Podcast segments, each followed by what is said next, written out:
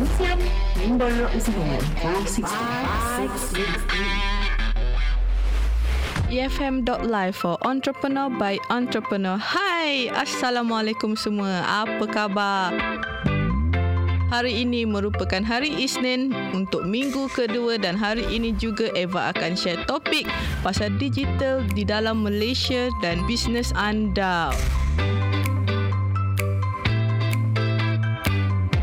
Okey, kita akan kupas betapa pentingnya digital itu dan bisnes kita sekarang selama satu jam dan sudah pastinya di 560 di mana usahawan boleh share idea, cabaran dan juga topik-topik khas hanya untuk pendengar-pendengar EFM.live.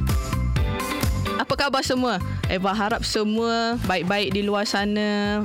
Semuanya sihat-sihat. Semuanya berada dalam keadaan yang baik. Mesti ramai yang tertanya-tanya.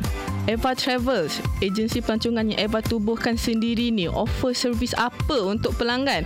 Okey, Eva Travels ni menawarkan servis percutian dalam negeri dan juga luar negara dan juga ramai yang tak tahu syarikat Eva juga menawarkan servis booking tiket flight dan tiket theme park pada last minute. Ha, menarik kan?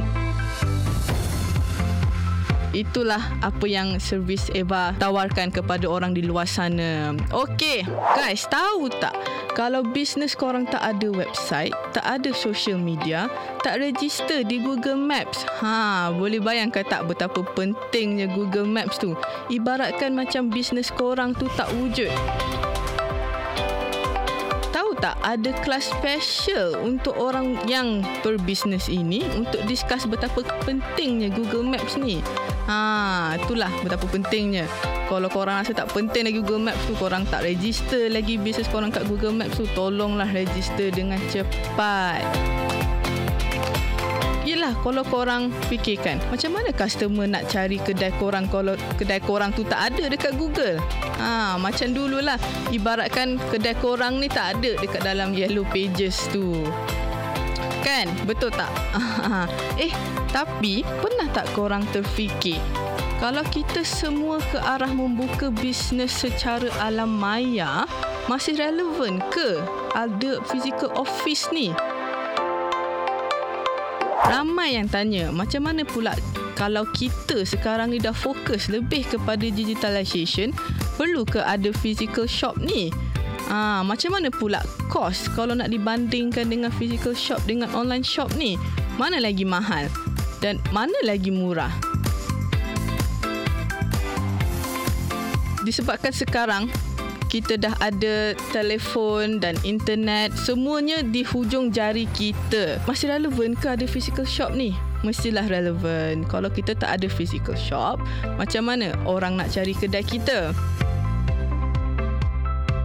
di situ juga kalau korang nak tahu mana-mana business owners yang lain pun dia akan tanya juga kat mana kita punya physical shop ni ada website pun ada kita punya profile di online pun mereka mesti akan datang juga di office. Macam mana nak meeting kalau tak ada physical shop? Betul tak?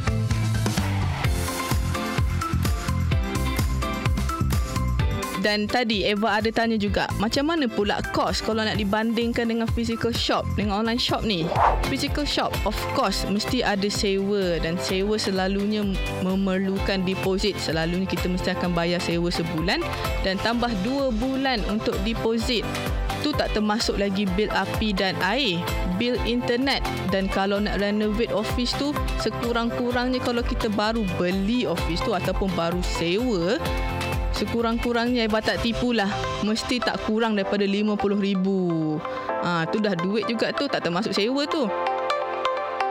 Ramai yang tak ambil tahu tentang ini mungkin ramai yang lupa.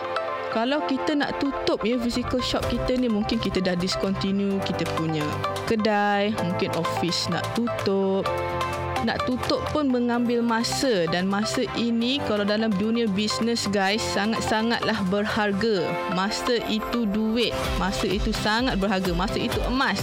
Ah, so imagine kalau korang sewa kedai 2500 lah sebulan, deposit dah sebulan tambah 2 bulan. Tu dah 7500 dah.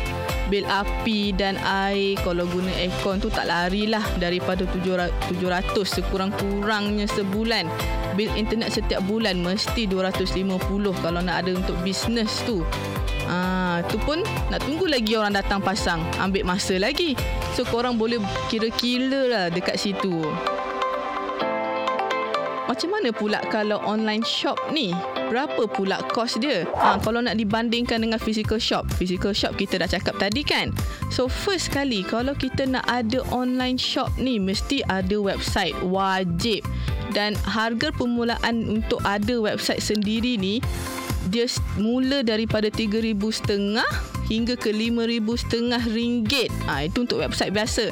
Itu belum lagi website e-commerce. Ya. E-commerce akan lagi mahal. Tapi cuba korang bandingkan. Untuk kita ada satu website itu sahaja itu ialah harga untuk setahun. So kalau korang nak bandingkan dengan physical shop, harga itu sebenarnya lagi murah sebab physical shop, contohlah macam Eva bagi tadi 2000 2500 ringgit sebulan. Yang ni korang hanya bayar untuk setahun. Ha, boleh compare kat situ eh 12 bulan dan setahun. Business owners pula yang nak buka kedai di online platform macam Agoda. Selalu paling famous lah booking.com ha, paling famous untuk travel agency owners ni kos permulaan bermula daripada RM2,500 ringgit hingga ke RM3,000 ringgit setiap setahun ha, bukan setiap bulan. Ha, lagi best kan kalau nak dibandingkan dengan kos physical shop sebenarnya lebih murah. Betul tak? Korang pernah terfikir tak kalau kita dah slowly slowly ke arah era digital ni masih relevankah physical shop ni? Okay, korang mesti tahu walaupun banyak business owners dah beralih kepada online shop, data dan statistik masih lagi menunjukkan bahawa kebanyakannya sales masih lagi diperolehi di physical shop. Ah, jadi tak boleh nak bandingkan era digital ni online shop tu lagi banyak lah. Close sales tu sebenarnya kat physical shop lagi banyak. And satu lagi guys, kalau tak ada physical shop ni, macam mana orang tu nak pastikan bisnes kita ni betul-betul wujud? Ingat tau, zaman sekarang ni banyak sangat kes menipu. Ha, berat hati Eva nak sebut ni. Tapi itulah kenyataannya. So kalau kita ada physical shop tu, itu sudah pun menunjukkan bahawa kita betul-betul wujud dan juga beroperasi. Macam travel agency Eva juga.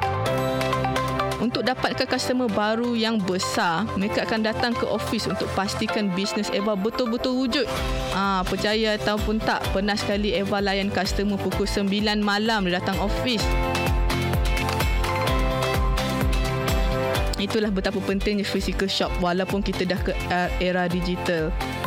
Kita sudah pun sampai ke penghujung rancangan. Sebelum Eva akhiri sesi untuk kali ini, Eva akan share tips-tips cuti untuk korang semua apa yang korang kena buat kalau pasport korang hilang bila pergi bercuti di luar negara. Ha, bayangkan kalau hilang pasport dekat negara orang pula tu.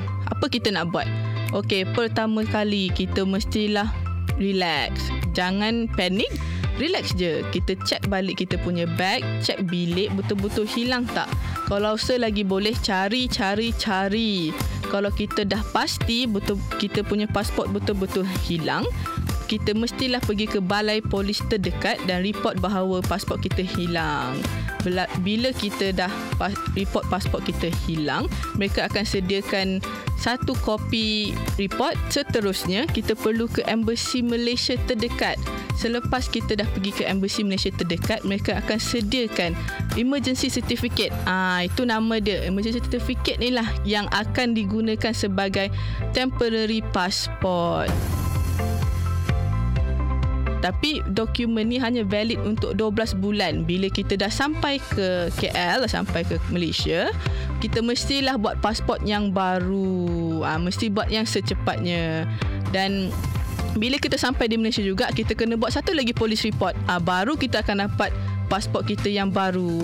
Dan kalau korang nak tahu kalau pasport korang hilang disebabkan kesalahan sendiri um, saman ya uh, akan dikenakan dari RM200 ke RM1000. Dia bergantung kepada betapa banyak kalinya korang dah hilang pasport korang Okey, sebelum Eva akhiri rancangan kita untuk minggu yang kedua ini, Eva nak ucapkan terima kasih kepada producer EFM.live, DJ Arizal dan juga sound engineer Arif Liu dan juga Amos. Jangan lupa minggu depan bersama Eva dari Eva Travels dari jam 1.30 petang hingga 2.30 petang pada hari yang sama, Isnin. Pada minggu depan, pastinya di 560 EFM.live for entrepreneurs by entrepreneur. Perkongsian Member Usahawan 560.